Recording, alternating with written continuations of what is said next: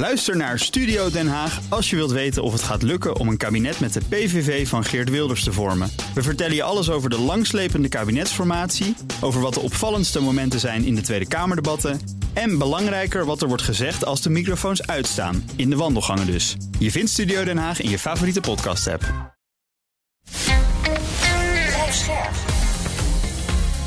BNR Nieuwsradio. Boekenstein en de Wijk. Hugo Reitsma. Welkom bij Boekenstein en de Wijk. Het is woensdag dag 728 van de oorlog in Oekraïne. Komend weekend twee jaar oorlog daar. Dan wel anders geteld. Uh, gisteren tien jaar oorlog. Want 20 februari 2014 was het toen we die groene mannetjes, wat bleken Russen zonder insignes te zijn, verschenen op de Krim. Gemeld wordt een raketaanval op een trainingsgebied in het oosten van Oekraïne. Waarschijnlijk leven gekost aan tientallen Russische militairen. Oekraïne meldt na de eerdere drie van vorige week nog eens twee Russische gevechtsvliegtuigen te hebben neergeschoten. Maar op de grond zit Oekraïne overal in het nauw. De Russen lijken zich vooral te richten daarbij op de rest van de provincie Donetsk, eh, het zuidelijk deel van de Donbass, met aanvallen vanuit Kremina, Bakhmut, Avdivka en Mariinka. Her en der wat vooruitgang geboekt, maar met hoge verliezen. Er komen meer berichten dat de Oekraïnse terugtrekking uit Avdivka niet helemaal ordelijk is verlopen. Het lijkt er daarbij op dat uh, misschien wel honderden Oekraïners zijn achtergebleven en nu te boek staan als vermist. De Russen zijn ondertussen uh, druk bezig met de PR. Generaal Gerasimov was medailles uitdelen in Avdivka. Op sociale media proberen ze te doen voorkomen alsof het chaos is aan de Oekraïnse kant. En er worden meer overwinningen geclaimd zoals in Krinky, dat bruggenhoofd van Oekraïne aan de oost, west, ik raak altijd in de war, oostoever van de Dnipro. Maar Oekraïne ontkent dat. Jullie hadden nog een paar andere plaatsen, Robotine. Robotine, Robotine, ja, daar zijn enige vorderingen gemaakt door uh, de Russen. Daar uh, zijn 30 tot 40.000 uh, Russische uh, soldaten samengetrokken, inclusief elite para-eenheden. En ja, uh, sommige analisten, ook een aantal mailbloggers, uh, die zeggen nee, ze zitten al in het zuiden van de stad. Dus dat gaat. Uh, het is Zaporizhia, is dat, hè? Ja. Exact, dat is ongeveer in het midden van het, van het hele front. Maar realiseer je, hier over Robertine hebben we een jaar geleden uitvoerig iedere keer zitten discussiëren. Ja. want Robertine, dat was de plek waar verwacht werd dat dat roemruchte voorjaarsoffensief van uh, Oekraïne succes zou boeken. Als je door ja. Robotine heen zou komen, uh, dan uh, ligt de weg open naar het, ja, eigenlijk naar de zee van Azov, onderdeel van de Zwarte Zee. En dan zou je dus die landbrug tussen de Krim en Rusland kunnen doorbreken, waardoor eigenlijk het bezette gebied in tweeën wordt gedeeld. Nou ja, nu zie je dus dat het omgekeerde het geval is. Oekraïne is niet door die fortificaties daarheen eh, gekomen, maar is dus nu bezig ja, om zich te verdedigen tegen een enorme troepenmacht uh, van, uh, van de Russen. En bovendien, ja, je noemde nog even Afdivka, als ik mag, uh, Hugo. Hugo. Hm. 850 tot 1000 mensen, soldaten zijn daar vermist. Hm. En uh, wij hebben uh, gezegd van, nou ja, Afdivka op zich, zo uh, so what. Het is heel vervelend en het is een psychologische klap. En dat, dat is het ook gewoon. Uh, maar als je nu kijkt wat hier gebeurt, met zoveel vermisten, toch wel aanwijzingen dat die, uh, wat jij eufemistisch noemde, Hugo, uh, dat die uh, terugtrekking niet helemaal goed is verlopen. Nou, het is een redelijk drama geworden, mogen we wel zeggen. Dat in hm. combinatie met de probleem om 500.000 man extra te werven en het zakkende moreel in Oekraïne, dan is Avdivka, het verlies van Avdivka, toch iets groter, denk ik, dan dat we eerder hebben gezegd. En hm. militair tactisch, nou, daarvan kun je zeggen, zo so wat. Uh, de grens die wordt een beetje weggetrokken, want Avdivka lag in zo'n hap, een Oekraïense hap uit het, uh, uh, uit het bezette gebied. maar als je dit allemaal bij elkaar optelt, dan is zeg maar, de psychologische klap veel groter dan de tactische klap. Hm. Mm Een hele nare bericht. Hè, dat er dus, er waren dus, ze waren bijna omsingeld helemaal. Toen hebben ze ook nog die toegangsweg hebben ze dus afgesloten. Toen moesten er nog allemaal Oekraïnse soldaten uit. En daar zijn er heel veel van uh, doodgeschoten. Ook op gewonden is geschoten. En misschien ook wel krijgsgevangenen gemaakt. Het is allemaal echt heel uh, onprettig. Overigens mhm. ook aan de Russische kant. Er is één Russische blogger. Die heeft gezegd dat heeft wel 16.000 Russische soldaten het leven gekost. Hè? Nou, die jongen heeft dat dus, is een pro-oorlog blogger, die heeft dat uh, gepost. Hij werd helemaal op social media voor alles uitgemaakt wat vies is. Hè? En die jongen heeft suïcide gepleegd. Mm, mm. Dus nou ja, zal hij met, die, met, die, met dat aantal zal hij nog behoorlijk laag. Hè? Ja. want het, het, het, het, het hoogste getal dat genoemd is, is 47.000. Ja. Uh, maar goed, dat wordt natuurlijk door Poetin en Shogun, de minister van Defensie, wordt dat gewoon uh, weggewogen, want het is allemaal niet waar. Maar goed, ja, uh, er is zoveel, niet, zoveel niet waar in hun, in hun hogen. maar nee, dit is wel echt serieus hoor, wat hier aan de hand is. Ja. Als je het dan hebt over het moreel in Oekraïne, erop. Je ziet het ook wel een beetje terug in het moreel in Europa. Hè? Er is een nieuwe peiling geweest waar je toch ziet dat er een veel pessimistischer beeld ontstaat van uh, wat, er, wat er mogelijk is in Oekraïne. Ik schrok wel van die peiling, moet ik eerlijk zeggen. Die is gehouden door het European Council of Foreign Relations. Dat is een uh, Europese uh, organisatie. Echt, een, nou, echt goed. ik bedoel, daar kun je, hoef je niet aan te twijfelen dat het wel klopt wat daar gedaan is. In een groot aantal Europese landen en in Amerika is er een peiling geweest. 20% van de Europeanen denkt dat Poetin gaat winnen. 10% denkt dat Oekraïne nog kan winnen. 10%. En eh, 37% die denkt dat een compromis de uitkomst gaat uh, worden. En ehm, ja, 40% wil dat Oekraïne eigenlijk gedwongen wordt om een compromis te ondertekenen. Nou ja, weet je, dat, dat, dat is wel echt anders eh, dan eh, de uitslagen die we, laten we zeggen, anderhalf, twee jaar geleden hadden. Toen die oorlog eh, eh net begonnen was. Want toen dacht iedereen, nou, dat gaat Oekraïne wel winnen. Daar wordt nu echt enorm aan getwijfeld. Ja. ja. ja. Het grote probleem is natuurlijk uh, de wapenleveranties. Het belangrijkste dat ik zag was juist uh, de verkeerde wapenleveranties, namelijk zo'n 400 ballistische Iraanse raketten voor Rusland. Die zouden ja. behoorlijk accuraat zijn en een bereik van 300 tot 700 kilometer hebben. Dat is dus uh, niet niks. Tegelijk, Arajan, jij had het daar over Zweden, Canada. Maar ik zie de laatste tijd her en der van die kleine berichtjes over individuele Europese landen die toch weer wat meer uit de weten te halen. Ja, Zweden geeft militaire hulp. Met, hoor, zie ik allemaal verschillende bedragen. Misschien moet je ze bij elkaar optellen, dat weet ik niet. Maar het eerste bedrag is 680 miljoen Amerikaanse dollars en dan 630 en 540. Nou, we zeiden eerder al dat de Tsjechische Republiek die had niet 800.000, maar 600.000 granaten oh. gevonden. En die zouden binnen een paar weken bij Oekraïne zijn. Dat is het oude Russische spul, denk ik. Hè? Is wel belangrijk hoor. Dat zijn grote getallen. Vind je niet? Mm Alleen het probleem is, hoe krijg je die op de juiste plek? Dat is ook nog een hele toestand natuurlijk. Hè? Ja. Ik zag nou, ook nog uh, interessante, niet helemaal duidelijke, maar wel interessante bewegingen in Duitsland. DPA, het persbureau, meldt dat de coalitiepartijen werken aan een nog geheim voorstel voor meer wapens en munitie.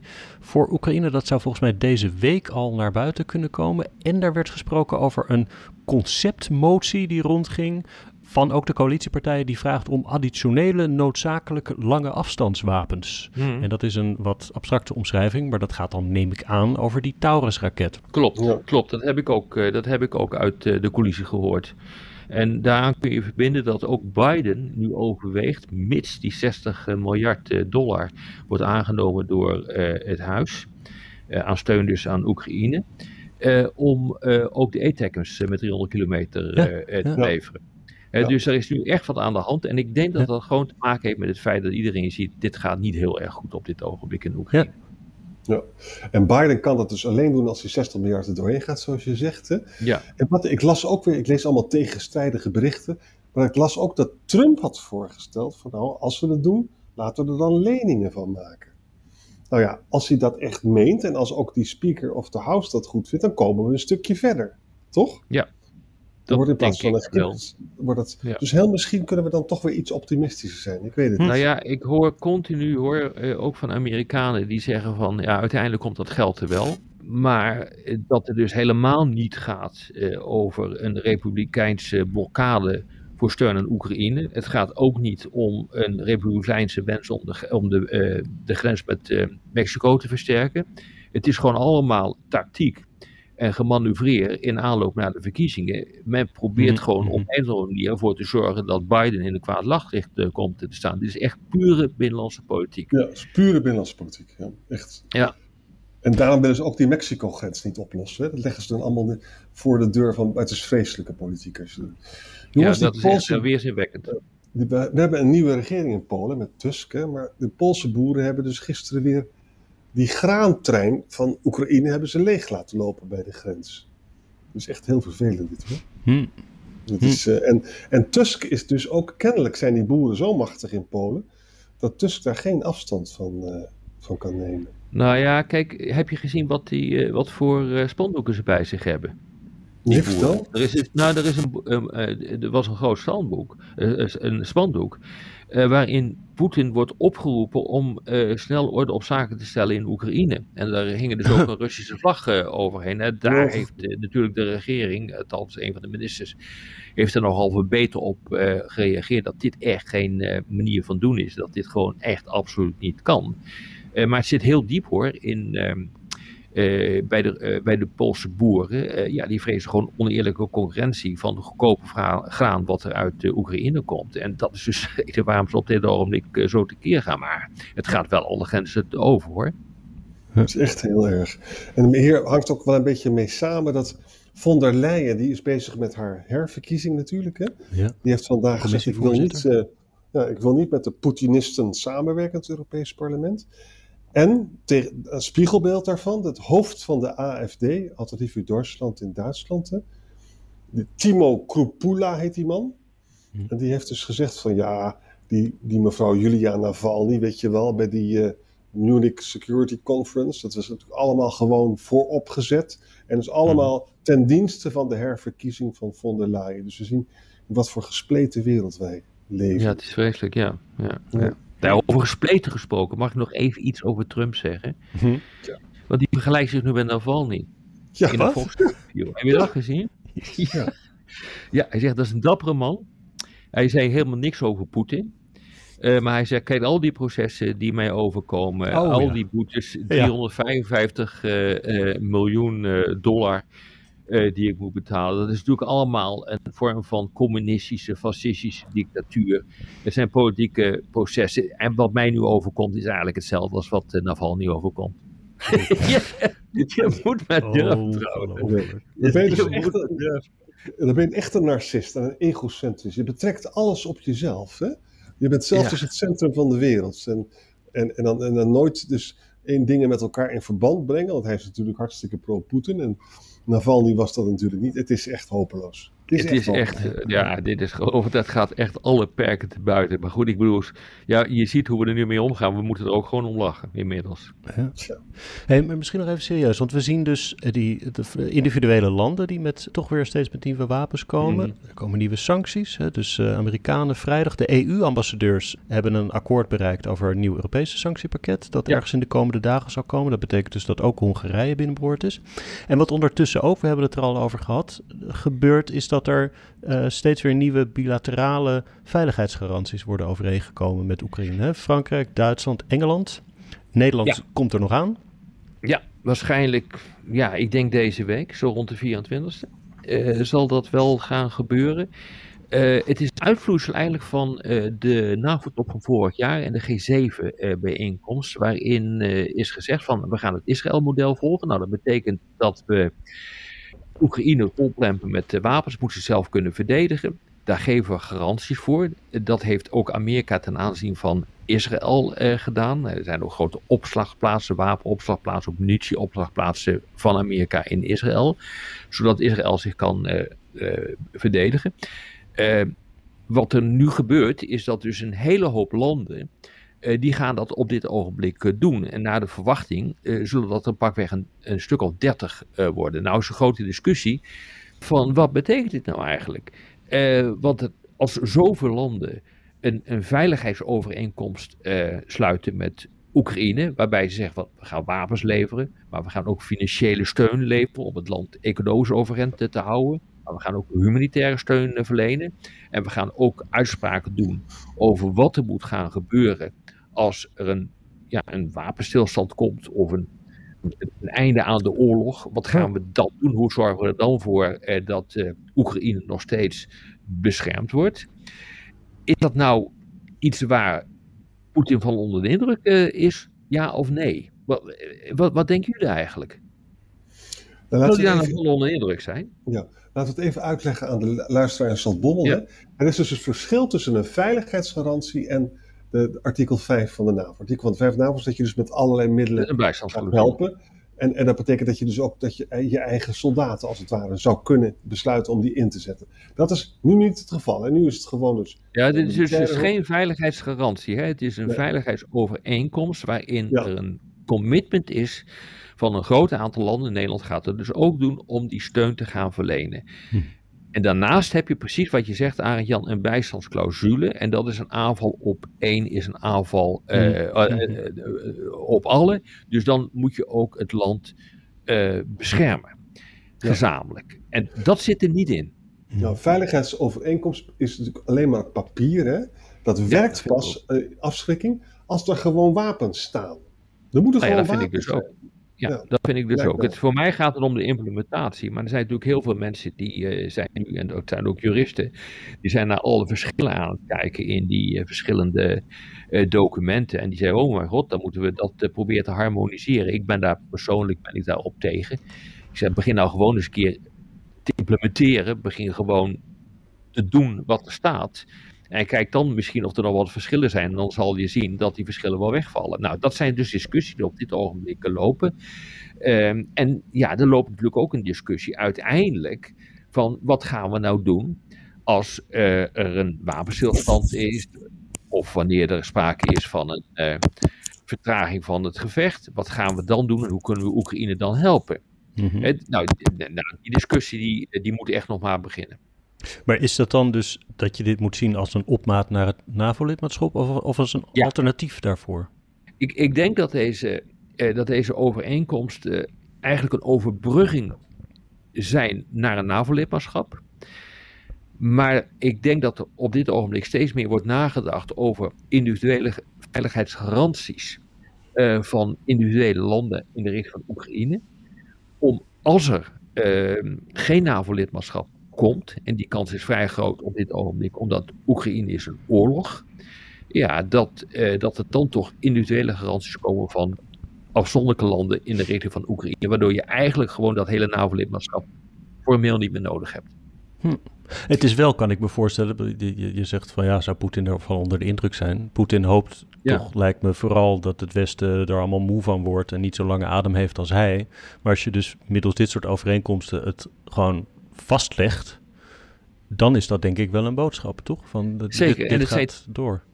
Het zijn tienjarige overeenkomsten door de bank uh, genomen. Dus het zijn echt langjarige commitments uh, van landen aan Oekraïne. Alleen, ja, wil het echt afschrikken en wil het echt uh, indruk maken, dan zul je, ja, dan zul je echt gewoon moeten gaan uitvoeren. En dan zou je, moet het boter met de vis komen.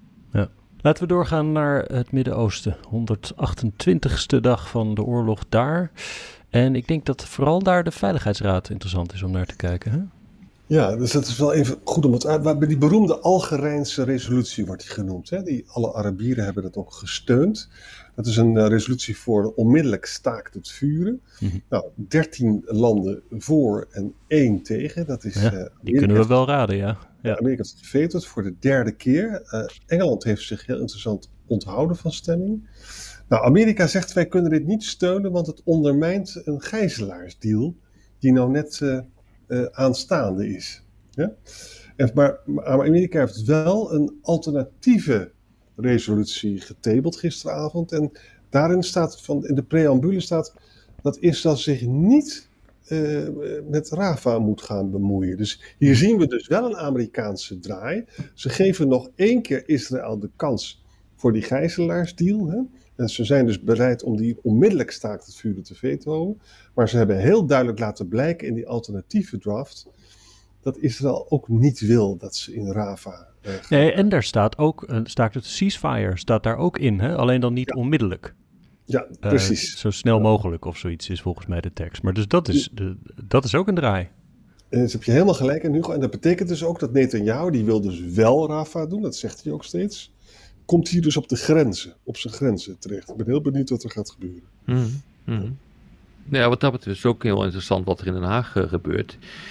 Oh ja. Eh, ja, met het internationale eh, hof ehm, Hmm. dat eh, daar gevestigd is, VN. Ehm, die is bezig met een zesdaagse adviesprocedure. En die eh, is aan het kijken of eh, die Israëlische bezetting eh, van de Palestijnse gebieden nou eigenlijk wel door de beugel kan. Dat gaat over de Westhoever specifiek, toch? Nou, eigenlijk over alle Palestijnse gebieden Oh. heb ik eh, begrepen. Ja. Eh, maar goed, wat, wat, wat, wat nu aan de hand is, is dat de Amerikaanse jurist, juridische adviseur van het State Department, dus van het ministerie van Buitenlandse Zaken, Richard Vizek, die is ehm, eh, aan het woord eh, geweest. En dat was toch wel interessant, moet ik zeggen, wat hij eh, wat hij zei. Hè. Die zei, ja, feitelijk, van eh, geweld is geen oplossing. En uiteindelijk moet er gewoon een twee-staten-oplossing eh, komen. Dus je ziet dat ook hier Amerika heel nadrukkelijk bezig is om eh, zich eh, voor te sorteren op zo'n twee-staten-oplossing. Iets wat Netanyahu ook niet eh, wil. Ja. En hij zegt ook, en dat vind ik ook wel interessant. eh, hij zegt: Kijk, eh, nu richt je eenzijdig de aandacht in deze adviesprocedure op Israël. Maar mogen we het ook nog even hebben over wat bijvoorbeeld Gaza heeft gedaan? En dus je, je, moet er, je moet er wel een zekere balans in brengen. Wat, wat Hamas heeft gedaan. Eh, sorry, wat Ja. eh, eh, Hamas vanuit Gaza heeft Ja. gedaan. Exact. En daar heeft hij denk ik wel een punt. Want je Hm. kunt niet. Ja, je, je kunt hier niet echt alleen maar eenzijdig naar kijken naar dit conflict. Want eh, hoe, het, wel- hoe het went of verkeerd, op 7 oktober vorig jaar is Israël aangevallen door Hamas. dus ja, dat, zou je, dat zou je er wel bij moeten betrekken. En dat is eigenlijk ook de boodschap eh, die ehm, deze jurist geeft. Die Amerikanen zeggen dus van luister, Hamas die, die mag dus geen veiligheidsrisico meer vormen hè, voor, voor Israël in de toekomst. en dat betekent dus ook geen Hamas-bestuur meer in Gaza. Mhm. Maar ze komen wel dus met, met een twee-staten-oplossing, net zoals Cameron dat doet. Maar Cameron is nu dus ook een beetje gedraaid, want die heeft het over een sustainable ceasefire, een duurzame staakt het vuren. En die vindt dus ook dat Hamas geen veiligheidsrisico meer kan doen. En dat geeft dus Netanyahu natuurlijk wel weer wat ruimte. Nou, wat, hoe heeft hij gereageerd? De Knesset heeft met 120 tegen 99 stemmen de resolutie van Netanyahu overgenomen. Dus dat, met, dat er dus geen Palestijnse, geen unilaterale Palestijnse staat Ja. mag komen.